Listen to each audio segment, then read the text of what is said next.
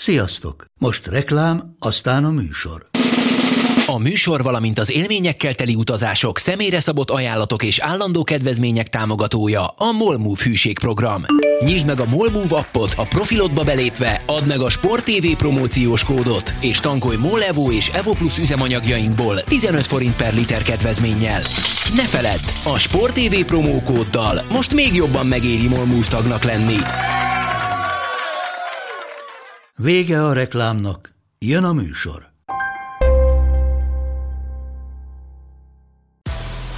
Nekik mindegy, hogy Győr vagy Fradi, Veszprém vagy Szeged, Bajnokok Ligája vagy EHF Kupa.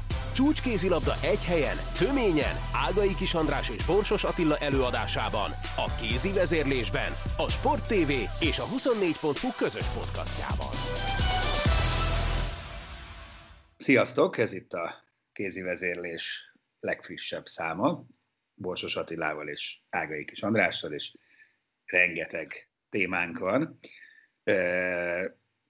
Váci, Csarnok, Kobetics marad, érdembe jelentettek nyolc játékost, Koksarok nem marad a Várdárnál, most csak így dióhéjban, hogy mi mindenről szeretnénk beszélgetni, aztán meg lehet, hogy elel kanyarodunk majd erre-arra. De akkor kezdjük ezzel a Váci történettel, ami engem eléggé meglepett. Ugye arról van szó, hogy a női csapat, vagy a női csapatot működtető KFT kiadott egy elég elkeseredett közleményt, hogy új, új, új, de nagyon sokba fog kerülni a csarnok, és hogy új hazát kell keresniük.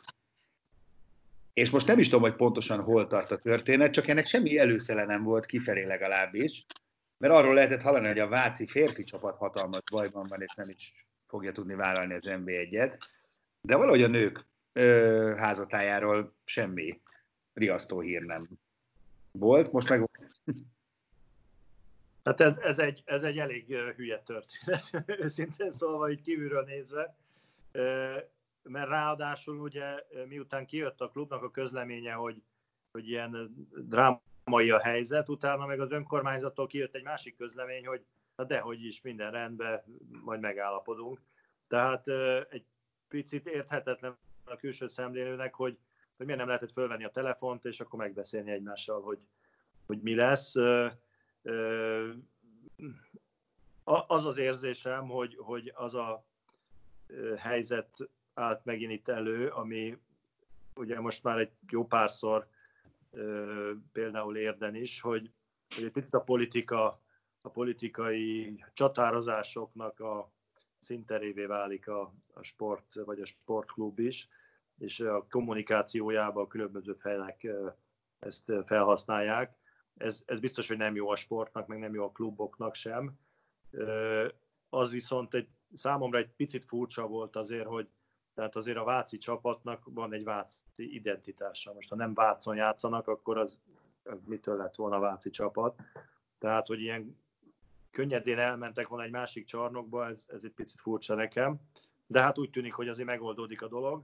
Viszont azt is olvastuk ugye, hogy, hogy a Janjusevic-sel nem tudtak megállapodni. Pont ezt akartam mondani, hogy mikor, miközben már kvázi bejelentették, hogy ő ott fog játszani, legalábbis ez kész tényként. Igen, hát ez, ez, én úgy tudom, hogy ugye az a helyzet, hogy, hogy megállapodtak egy fizetésbe, és most ö, a, a klubvezetés ö, csökkentette a fizetéseit a játékosoknak, nem csak a veszélyhelyzet alatt, hanem a következő évre valószínűleg, amit ugye van, aki elfogadott, van, aki nem, és nyilván a frissen érkező játékos nek ez annyira nem tetszett, hogy az új szerződést, amit aláírt, abból egyből elvesznek belőle, és ezért át szerződött ugye egy másik klubba, Romániába, ahol egyébként nagyon komoly erősítések vannak. Tehát olvastam például a a Baje Márénak a jövő keretét, nem tudom, hogy van-e róla infód, ahova hmm. a Jelena Lavko és a, a Jovana Kovacevic is szerződött, három, két vagy három svéd válogatott mellett, például Iden, a svéd válogatott kapusa is oda szerződött, úgyhogy a Baja Márénál ismét egy, egy nagyon komoly csapatot építenek. Például a, ugye a nem jut eszembe, hogy hívják azt a román csapatot, hogy kizártak az Európa kupából a dopingolás miatt. Az ő játékosaikat is le tudták igazolni, a Busevskit például, a Krisztina Lászlót, tehát a, itt a Vilcsa és a Bukarest mögött egy, egy nagyon erős csapat kezd kialakulni. Picit talán a Siófok ö, példája ö, jut eszünkbe, hogy a két csapat mögé egy, egy harmadik is felzárkózik, akik úgy tűnik, hogy pénzzel bírják ezt a történetet. Egyébként az EHF kupában ö, fog indulni a nagybányai csapat. Ö, igen, csak közben már nézem, mert most már nagyon zavar, hogy azt mondja, hogy, hogy nem, nem ugrik be ez a... Korona Brassov szerintem. Azaz, azaz, azaz, azaz, a Brassóiak, így van, így van, közel találtam én is. És akkor ha már itt a, az új játékosokról beszélünk, akkor nézzük, mi újság itt van. Hát Kobetics nem számít ugye új játékosnak, és pont nálunk a kézivezérlés extrában mondta el először Fodor János, a Siófok első embere, hogy mennyire szeretnék, hogyha Kobetics maradna. Hát Kobetics marad. Meggyőzték, úgy látszik. Igen, egyébként az az érdekesség benne, ugye azt mondta nekünk Fodor János, és a, talán a Kobetics maga is nyilatkozta, hogy abban az esetben ö, hajlandó talán elgondolkozni azon, hogy még egy évet vállal, ha nem játszanak az Európa kupában, mármint a BL-ben, azért, hogy, hogy a, segítse a csapatát, hogy még egyszer megszerezzék azt az áhított BL kvalifikációs helyet.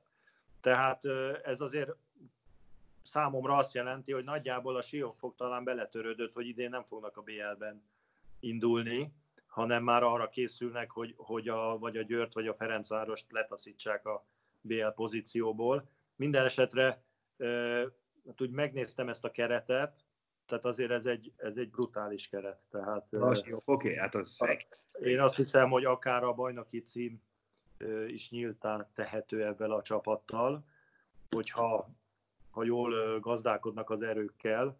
Én szerintem a legnagyobb veszély a Siófoknál ebben az évben az lesz, hogy túl sok játékosuk lesz. Hát pont én néztem az irány... olyan nehéz kezelni, mikor, mint amikor túl kevés van. Hát pont néztem az irányító posztot, hát Pena, Nyombla, Tóth Gabi. Hát... Horácsek. Horács, így van, na tényleg még ő is. Tehát, hogy jó, talán jó, itt valaki nyilván áttolható lövőbe időnként, valószínűleg ez lesz a megoldás. Jó, de most lövőben ott van a, a Tomori Zsuzsa, Tomori meg a Kobetics. Kobetics, a másik oldalon pedig ugye ott van a, a Van der Heyden és igen. a Niki, tehát specialistaként. Igen. Hogy, igen. Nem tudom, hogy az irányítókat hogy, hogy fogják csúsztatgatni jobbra-balra. Minden esetre ez egy, ez egy nagyon erős keret, és, és fel van adva a lecke szerintem Bendálnak, hogy hogy fogja ezt a csapatot a megfelelő időpontban üt, ütőképessé tenni. Igen, és amit mondtál, hogy valószínűleg letettek a BR-ről, hát abban az is szerepet játszik, hogy az EHF közben odaítélte azt a bizonyos függő logó, levegővel logó szabadkártyát a második számú Dán csapatnak, ami jelzésértékű. Igen, hát ugye az ott nagyon billeget, hogy, hogy a magyarok és a a dánok között, hogy melyik lesz az első számú ö, európai kézilabda nemzet, már a női szinten, és ö, egy időben úgy nézett ki, hogy egy bizonyos számítás szerint mi lettünk volna, de végül is másképp számolták ki, ezt nem tudom egész pontosan, hogy mi volt a metodológia, de így a dánok lettek a, az első számú európai ország, és így az Odense megkapta ezt a szabadkártyát, ami nem olyan nagy probléma, mert a dánok valószínűleg úgy is kaptak volna, csak így hivatalból ugye nincsen nekünk, tehát az egyik szabadkártyánkat biztos, hogy a Ferencváros el fogja használni, és utána az a kérdés, hogy, hogy azok közül az országok közül, akik adott esetben szintén kérnek a bajnokuk mellett szabadkártyát, mint az oroszok, a franciák, a románok, Ánok hogy, hogy fognak ezzel gazdálkodni, illetve azokból az országokból, akik ugye lejjebb vannak sorolva, mint például a lengyelek vagy a csehek, adnak-e nekik főtáblás helyet. Mert ugye például itt van a, egyből a Lubinnak az esete, ugye a lengyel bajnok, ahova Kim Rasmussen is szerződött, nyilván ők szeretnének a BL-be elindulni alanyi jogon. Simán lehetne selejtezőt játszani, nem? Tök igazságos lenne. lehet, lehet, de azért a selejtezővel az a probléma, hogy, hogy az idő az azért nem olyan, tehát hogy nem tudjuk, hogy mikor kezdenek el játszani, a BL azért szeptemberben már indul, előtte akkor selejtezőt játszani, tehát ez nem olyan egyszerű, mint általános esetben. Most ezt nem érzem azért akkora horderejű problémának. Azt simán le lehet zárt kapusan játszani, azért már foci meccsen már nézők is vannak, tehát most azért ez, hogy mondjam, oldódni látszik ez a vírushelyzet. Igen, ugye az az érdekesség van, hogy a kézilabdában a világ szerte borzasztóan ellene vannak a, az átkapus mérkőzéseknek. Tehát úgy, ahogy a, a, a fociban ez, ez most már teljesen elfogadta mindenki, azért azt hallom mindenfelé, hogy a kézilabdához annyira kellenek a nézők. Na de tudod milyen? Én szerintem ennek más oka van. Hát a fociban olyan horribilis pénzekről, televíziós jogdíj pénzekről beszélünk, hogy ezért fogadták el. Hát Ez nyilván. Sajnos ilyen a kézilabdában nem fogadnák, hogyha dollármilliókról lenne szó, vagy eurómilliókról. Hát igen, csak hogyha a kézilabdában ez nem hoz elég pénzt, hogy csak a tévében van a Jogos. Akkor a rendezési költségek, meg minden nem, tehát nem, nem annyira egyértelmű a kézilabdában, hogy az átkapus meccseket mondjuk akár egy fél évig vagy hónapokig rá, rendezni fogják. Ez, ez egy picit félelemre ad okot azért, hogy mikor tud valójában elindulni a, a szezon. Ugye a Bundesligában még nem, nem láttam, hogy mondtak volna indulási időpontot. A franciáknál például csak szeptember második felére indítják a, a férfi bajnokságot, Úgyhogy azért még rengeteg bizonytalanság van itt. Na, közben egy friss hír, most olvasom, 5 perce jött ki, hogy gratulálhatunk Barta Csabának, újabb három évre megválasztották a Győr elnökének. Hát, tényleg gratulálunk neki, bár nem, nem gondolom, hogy nagyon kell izgulnia. Jó. Alatt. Azon a mérleggel, amit maga mögött tudhat az utóbbi pár évben. Igen, de hát tudod, egy választás az mindig olyan, hogy az utolsó. Hát, így van.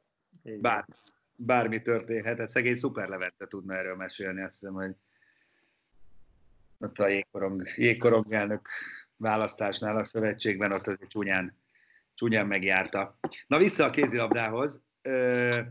Érd egy számodra érzékeny terület, és szerintem nyugodtan elmondhatjuk, hogy tervezzük, ugye, hogy, hogy majd a kézi vezérés extrában kivesézzük, vagy akkor pontosan mi és hogy történt. De most egyelőre azt hagyjuk, nézzük az új alakuló keretet. Sokáig nagyon nagy csönd volt, hogy, hogy kik lesznek a játékosok, és akkor most olyan neveket lehet olvasni, mint Kopec, Barbara, most az ismertebbeket mondom, Valfis Mercedes, ugye, aki sok-sok Békés Csaba év után elment Fehérvára, és akkor most onnan megy Érdre.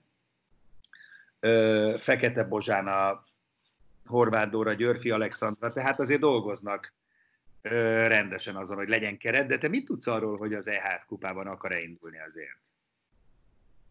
Hát hallgattam egy riportot a, a, az új vezetőedzővel, ő azt mondta, hogy ő nem tudja, hogy indulnak-e, azt a vezetőség fogja eldönteni, de nem nagyon lelkesedett az ötletért. Azt megértem egyébként. Úgyhogy az az érzésem, hogy nem fognak indulni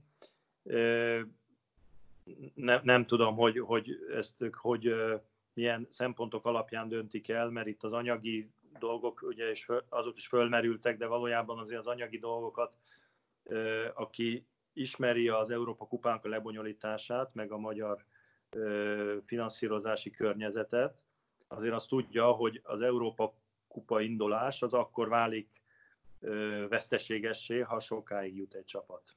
Úgyhogy érdekes módon.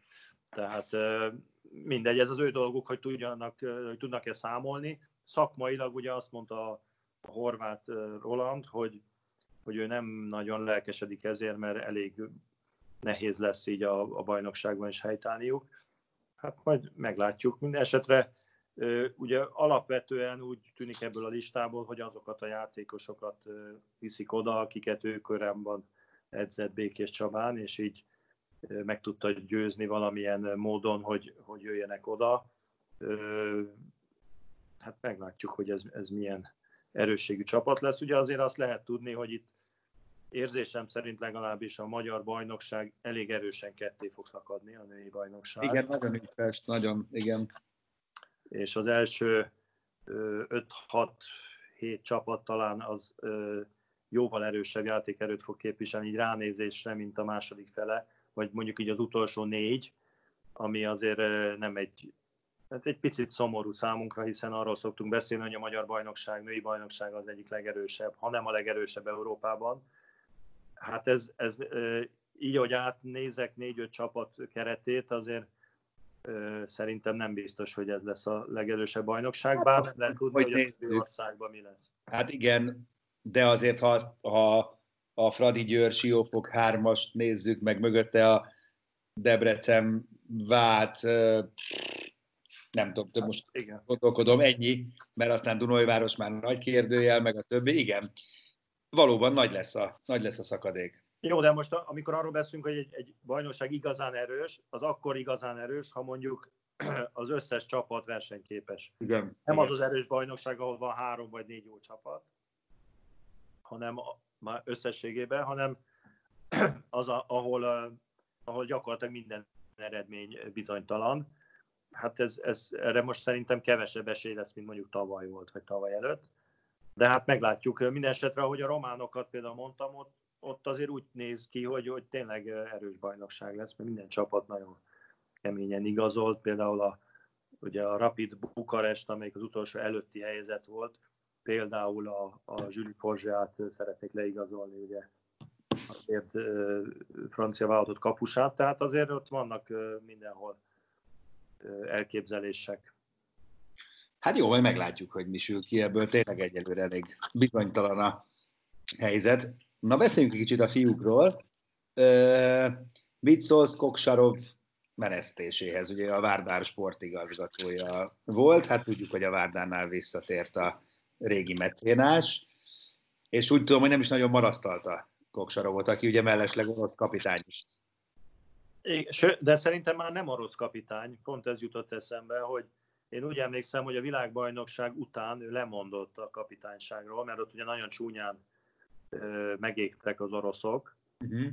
és van egy ilyen ö, emlékképem, hogy, hogy ő még ott a helyszínen ő beadta a lemondását, hogy azt, azt elfogadták, vagy nem, ezt nem tudom, de minden esetre egy picit hasonlatos az ő helyzete a... Igazad van, a, így van, így van, igazad van. Így a, van. a svéd kapitányhoz, aki ugye elvesztette a svéd válogatottat, aztán még a, a Reinecker Lövent is, úgyhogy egy, egy álláshalmozó edzőből egy, egy munkanélküli lett, hát a Koksárov is most úgy tűnik, de annyira nem meglepő, hiszen ő nagyon kötődött a volt tulajdonoshoz, a Szer, Szergej Szamozenovhoz, tehát ő valószínűleg ezért hagyja ott a Várdárt.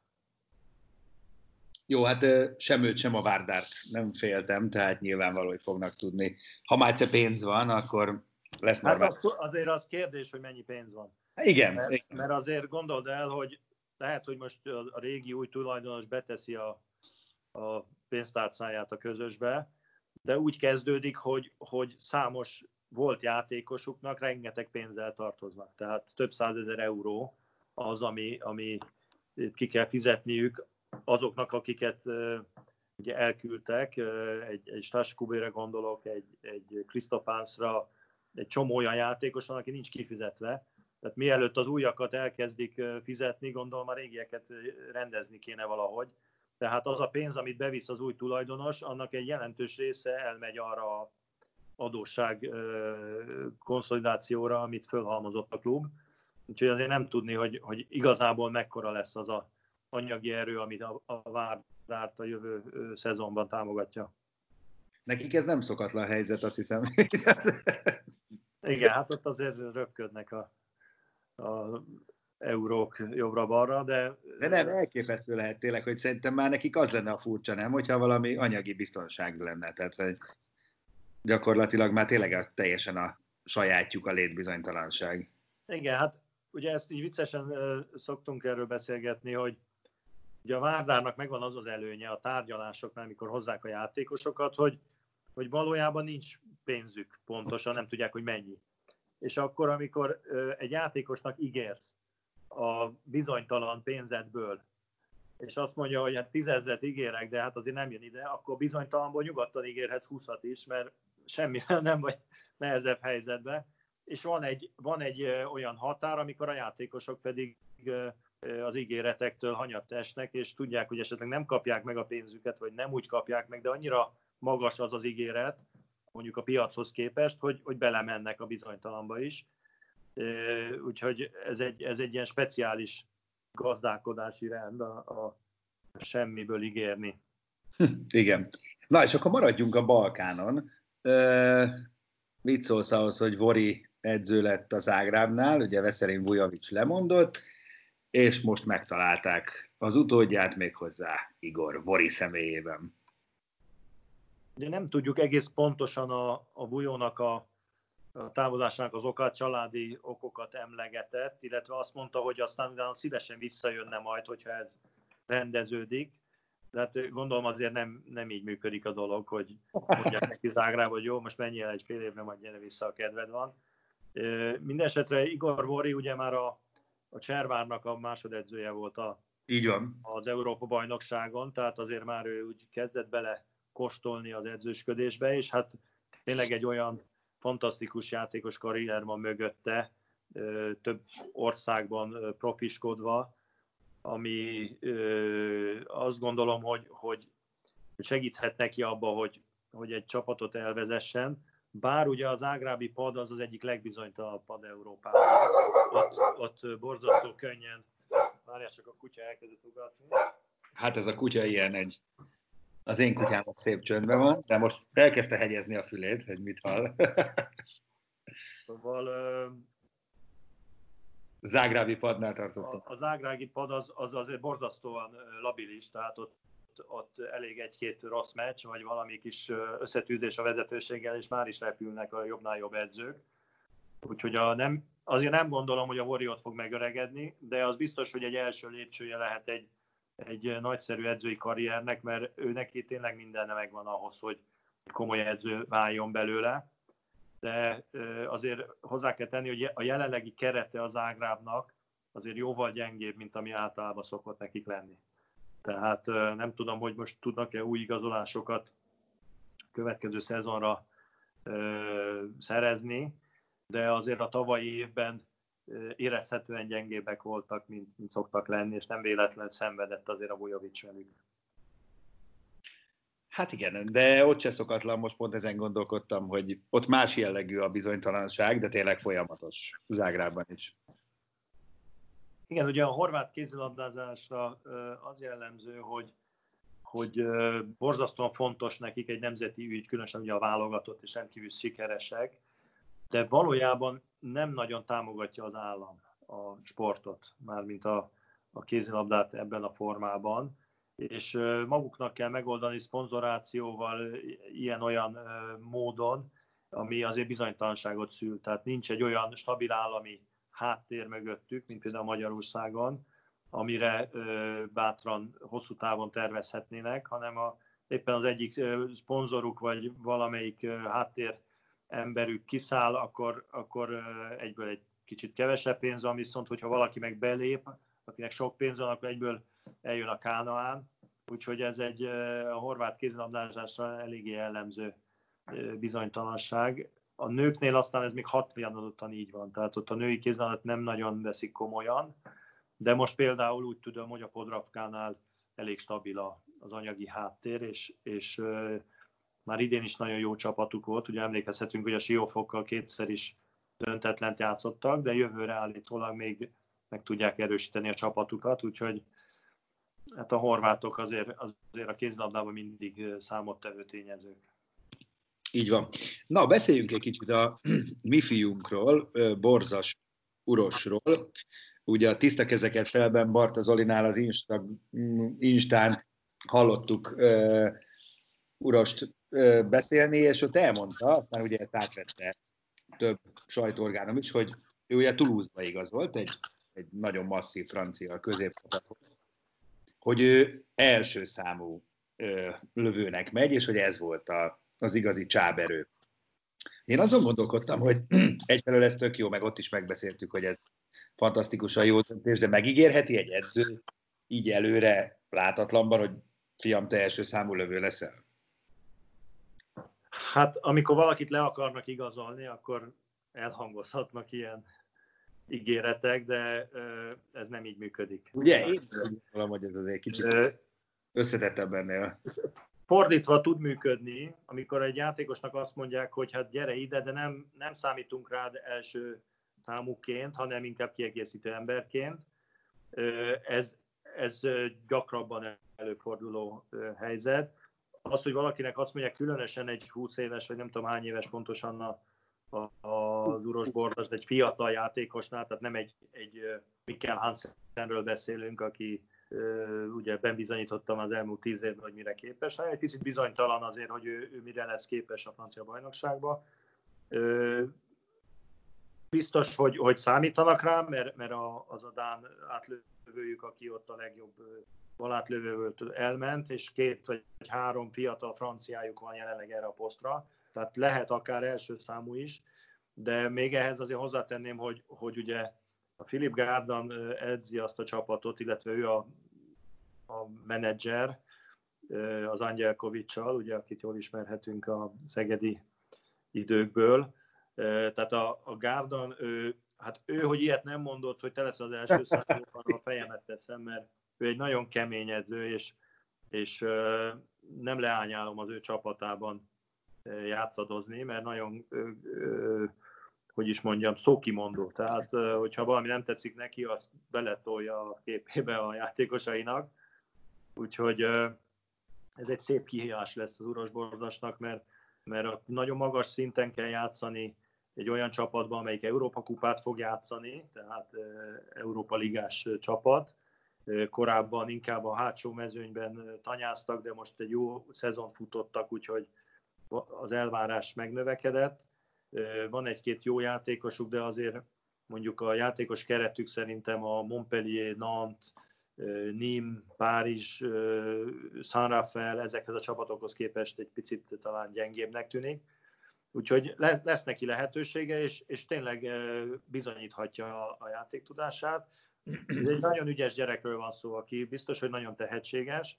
A kérdés az az, hogy mennyire érett meg arra, hogy egy ilyen csapatban húzó ember legyen, mert azért láttuk a bányásznál is, hogy egyre többször, egyre jobban lehetett rá számítani, de azért, azért nem lehetett azt mondani, hogy, hogy egy, egy stabil, kiegyensúlyozott játékot láttunk volna tőle.